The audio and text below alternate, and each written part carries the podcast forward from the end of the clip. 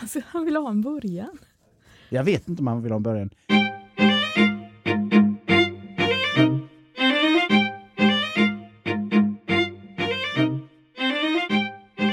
Väl, välkommen till Eftersnack med Gabriel Norrgård och Ulli Rosén. Det är ju podden där vi följer upp söndagens mässa och allting som har hänt eh, och även det som inte har hänt men skulle ha kunnat hända. Det är ju oerhört fascinerande också. Hände det någonting igår på, på livesändningen klockan 10? Vi, vi menar ju att det var en, de, en väldigt bra sändning. Eh, sen händer det ju ändå alltid någonting smått. Eh, I dessa tider så vill man ju faktiskt inte ens harkla sig, än mindre hosta om man sväljer fel eller sådär. Och det, det är ju väldigt lätt hänt när man sitter där i, vet att man har kameran riktad mot sig.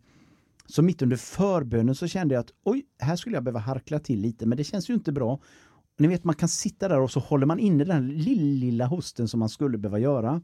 Och så håller man inne och håller inne och håller inne och till slut säger det här går inte, jag kommer ju komma med den största hosten man kan tänka sig. Och då insåg jag att det här går inte så jag sprang ut till kontrollrummet i sakristian eh, och skrek till dem. Eh, jag måste hosta! Och sen så sticker jag ut genom den ytterdörren och hostar riktigt ordentligt. Det är bara att de, de har ju på våra mikrofoner hela tiden. De har inte reagerat ens så hela, hela hostningen och proceduren kom ju väldigt med väl dokumenterat i sändningen. Eh, så sånt händer, men förvånansvärt lite oväntat ändå måste jag säga. Ja, med tanke på att det var barnkör. Och Var- då kunde hänt vad som helst. Vet Li- fortfarande inte hur, hur barnen kände nog att det här är en lite speciell situation. Jag tror att de glömde kameran. Många stod ju ändå och gäspade. Mm. Och, nej, det, var, det var jättebra. Det var väldigt fint med, med barnkören tycker jag. Mm. Och just att det kan få bli en, en liksom mosaik av människor, att vi verkligen får visa att församlingen består av människor i väldigt många olika åldrar eh, och med olika bakgrund och så. Och det, det är ju lite av ett mål någonstans att vi får, nu när vi inte kan samlas på det vanliga sättet och vara många människor med olika bakgrund och klädstilar och allt vad det kan vara, så får vi liksom ändå ett, påminnas om det där att, att vi, vi är en fantastisk mosaik tillsammans med alla våra olikheter som gudstjänstfirare. Verkligen.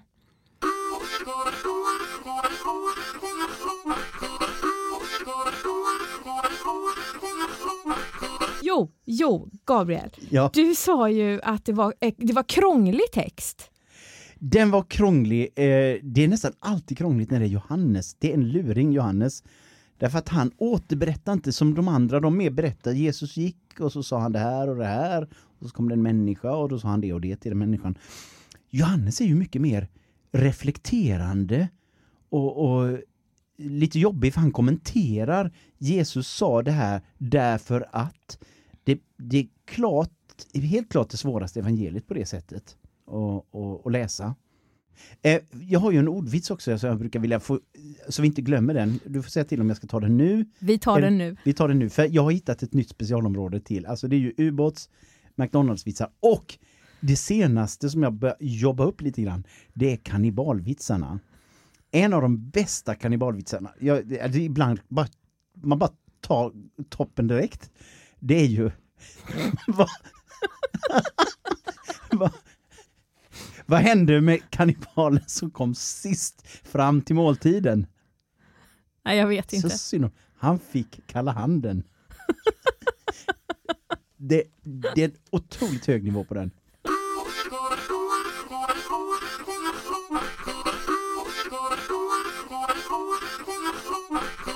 Jesus sa, jag ber för dem, jag ber inte för världen utan för dem som du har gett mig eftersom de är dina. Och då refererar, ja du refererar ju till det här i din predikan och då fattade jag det som att världen gjorde du typ ett likhetstecken med ondska. Um, och så kan man ju tänka, jag tänkte på ett annat sätt. Jag tänkte så här, att världen är alla andra, de som inte är Jesus följare. Eller de som inte är utvalda. Det var egentligen ett frågetecken bakom båda dem. Förstår du hur jag tänkte? Kanske, Kanske. gör jag det. Mm. Nej men det, det här är klurigt det här med världen därför att eh, det här med att vara utvald, den, den blir jag ju liksom rygga lite tillbaks från den därför att det blir lätt att börja gå i Jehovas vittnen-tankar och så. Alltså, vi är de utvalda, vi är de bra människorna. Det finns ju ett, ibland så bär ju människor med sig den där tanken på att ja, kyrkan det är ju, det är ju A-laget liksom. Alltså de, de bra människorna. Det är de liksom moraliskt förstklassiga människorna och sen så är vi packet, de andra. Eh, och det finns ju i kyrkans historia rörelser som verkligen har under viss tid sett sig på det sättet och blivit sekter. Här är vi som är utvalda och så är det ni andra.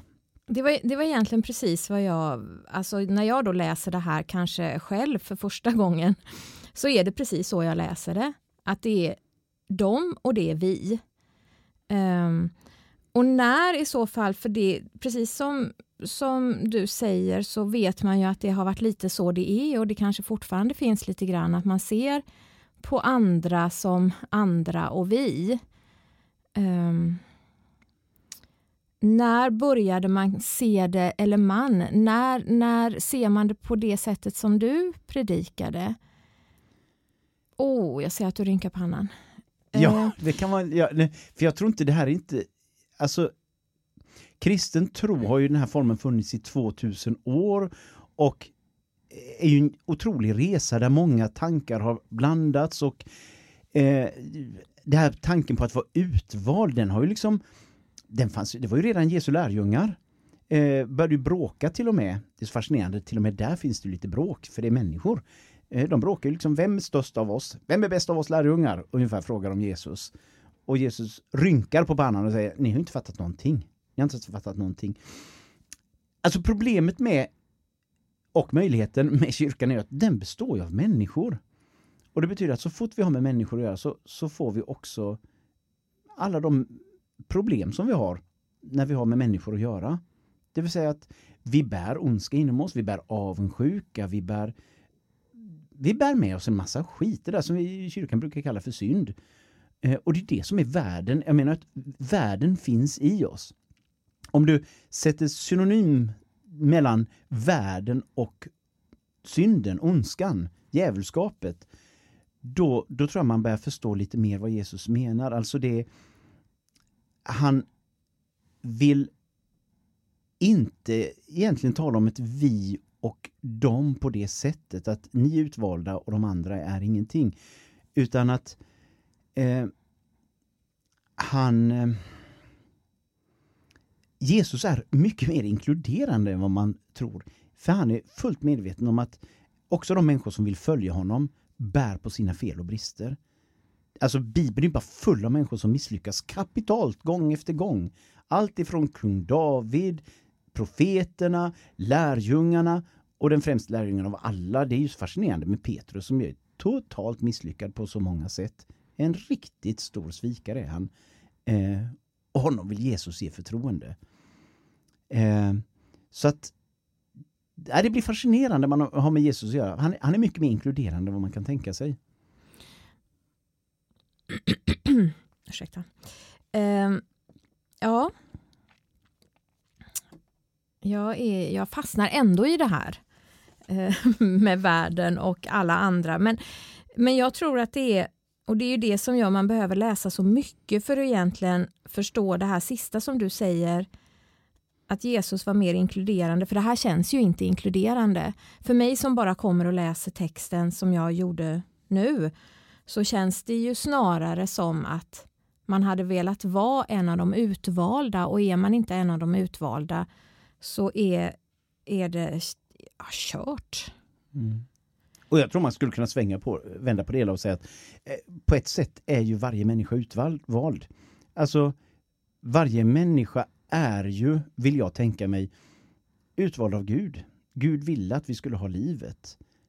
Det vore en oerhört märklig gudsbild att tänka sig en gud som låter x antal miljarder människor födas och så väljer han ut några stycken som är de utvalda. Det är en slags elitgud som, eh, som inte stämmer med Jesus sätt att tala om människor. Sen finns det människor som vänder honom ryggen och inte vill ha med honom att göra. Men det är en annan sak. Det är inte så det är något helt annat för vi har ett fritt val vi människor. Men att Jesus är inkluderande på det sättet att alltså, i Matteusevangeliet, gå ut och gör alla folk till lärjungar. Alltså det, det är ett inkluderande sätt att tänka kring det att varje människa är en Guds avbild. Då har jag en fråga som är, vi, du pratar ofta, nästan alltid om döden. Ja, gärna. Och utveckla. Ja, men, jag tror att det finns så många missuppfattningar om vad kristen tro är och vad Jesus står för. Om jag ska hårdra det jättemycket, nu, nu karikerar jag nästan liksom, eh, så tror jag att många tänker sig att ja, Jesus det var en schysst kille, en klok tänkare, han kom hit och sa till att vi ska vara snälla. Så tror jag jättemånga skulle sammanfatta att kristen tro handlar om att vara egentligen två saker tror jag det är. Moraliskt högstående och snäll. Alltså man ska, man ska hjälpa andra människor, det är det Jesus säger. Ungefär så. Och att det skulle vara det stora i evangelierna. Och då tror jag man tappar det revolutionerande därför att Jesus är inte den första som säger att du ska älska din nästa som dig själv. Nästan ingenting av det Jesus säger är unikt. Det är liksom inget nytt han kommer med och det säger han till och med själv. Ni har hört det här förut. Jesus menas inte komma med några nya tankar som vi inte redan visste om egentligen. Utan det som är unikt, det är två saker. Det ena är att han är Gud och påstår sig vara Gud. Det andra är något han gör som också är unikt. Och det är att han uppstår från de döda. Och ska vi koka ner det som kristen tro är till, till en punkt så har det väldigt mycket med döden att göra. För döden är, det är liksom vår huvudfiende. Det är den som hela tiden hotar oss i vår tillvaro. Den ligger där, liksom, den är ju bara ett andetag bort. Så finns den där och det är egentligen varje människas oro. Och kristen tro menar jag är svaret på människans oro för döden. För det Jesus gör är att han uppstår från de döda och visar och säger den här vägen kallar jag er till. Ni kommer uppleva att döden finns där som ett hot. Men ni har redan övergått i ett nytt liv. Döden kommer inte kunna behålla er. Hur obehaglig den än verkar vara. Jag har besegrat den.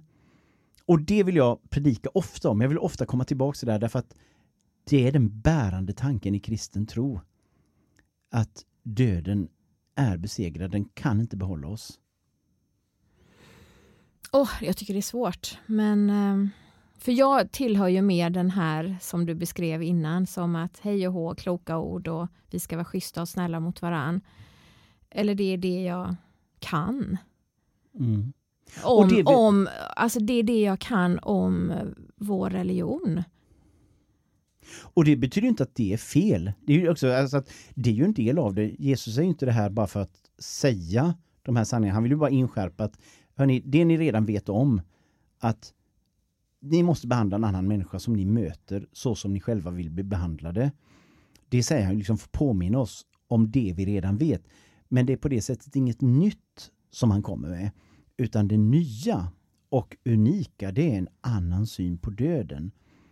Att döden inte är förintelse, att vi egentligen är evighetsvarelser fast vi inte kan se det. Eh, så det nya är liksom att döden är en parentes för oss. Och för de första kristna var det här så tydligt. Vi var ju i höstas i Rom eh, på katakombvandring och det var så fascinerande när guiden där berättade att fast det är ju hundratusentals människor begravda i katakomberna så hittar du inte ordet död någon endastans. För de första kristna, döden var liksom en, en icke-fråga.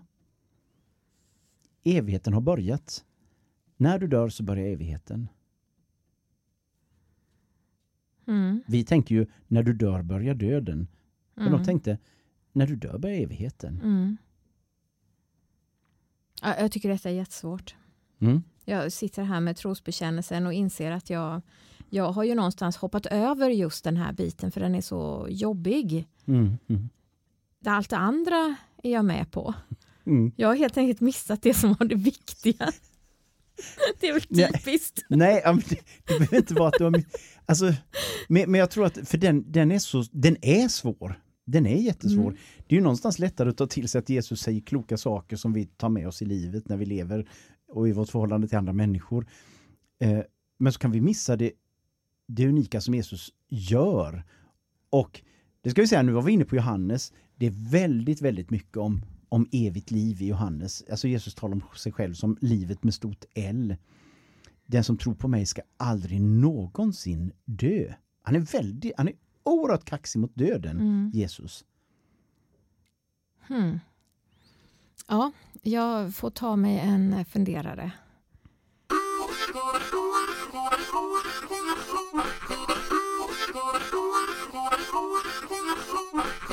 Ja, jo. Eh, inför nästa söndag, har vi något vi vill säga då? Det, det som är roligt är att det får se väldigt olika ut på söndagarna. Nu var det i söndags barnkör och nu kommande söndag då är det ungdomskören som sjunger då. De lite, lite äldre ungdomarna, sådär mellan 15 och 20 år, eh, som sjunger. Så det sätter sin prägel väldigt mycket. Och det är ju kompband också. Så det är ungdomskören med trummor, bas, gitarr och piano. Det brukar bli riktigt bra. Mm, det håller jag med om. Du, Le- om man skulle känna så här att när man lyssnar på den här podden så kanske det väcks tankar eller frågor, man tycker någonting är borde vi sagt mer om eller man egentligen bara är frågande om någonting som har hänt i gudstjänsterna eller som man har hört i podden.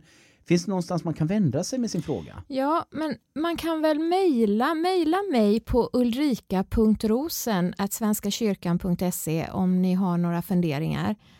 Vi kan väl, vi kan Ja. väl ta det en gång till. Hur, hur var mejladressen? ulrika.rosen svenskakyrkan.se Ja. Och Svenska kyrkan som ett ord där. Just det. Ja. Vi är ju lite emot särskrivningar här. Det är ju en, en liten underground-rörelse som vi driver här i församlingen. Eh, skulle någon känna att man vill ha hjälp med, vi har tryckt upp små klisterlappar, varning, särskrivning. Eh, finns uppsatta lite överallt där vi upptäcker denna förfärliga företeelse. Så därför är Svenska kyrkan ett ord. Ja, precis. Chop chop! Där är vi klara.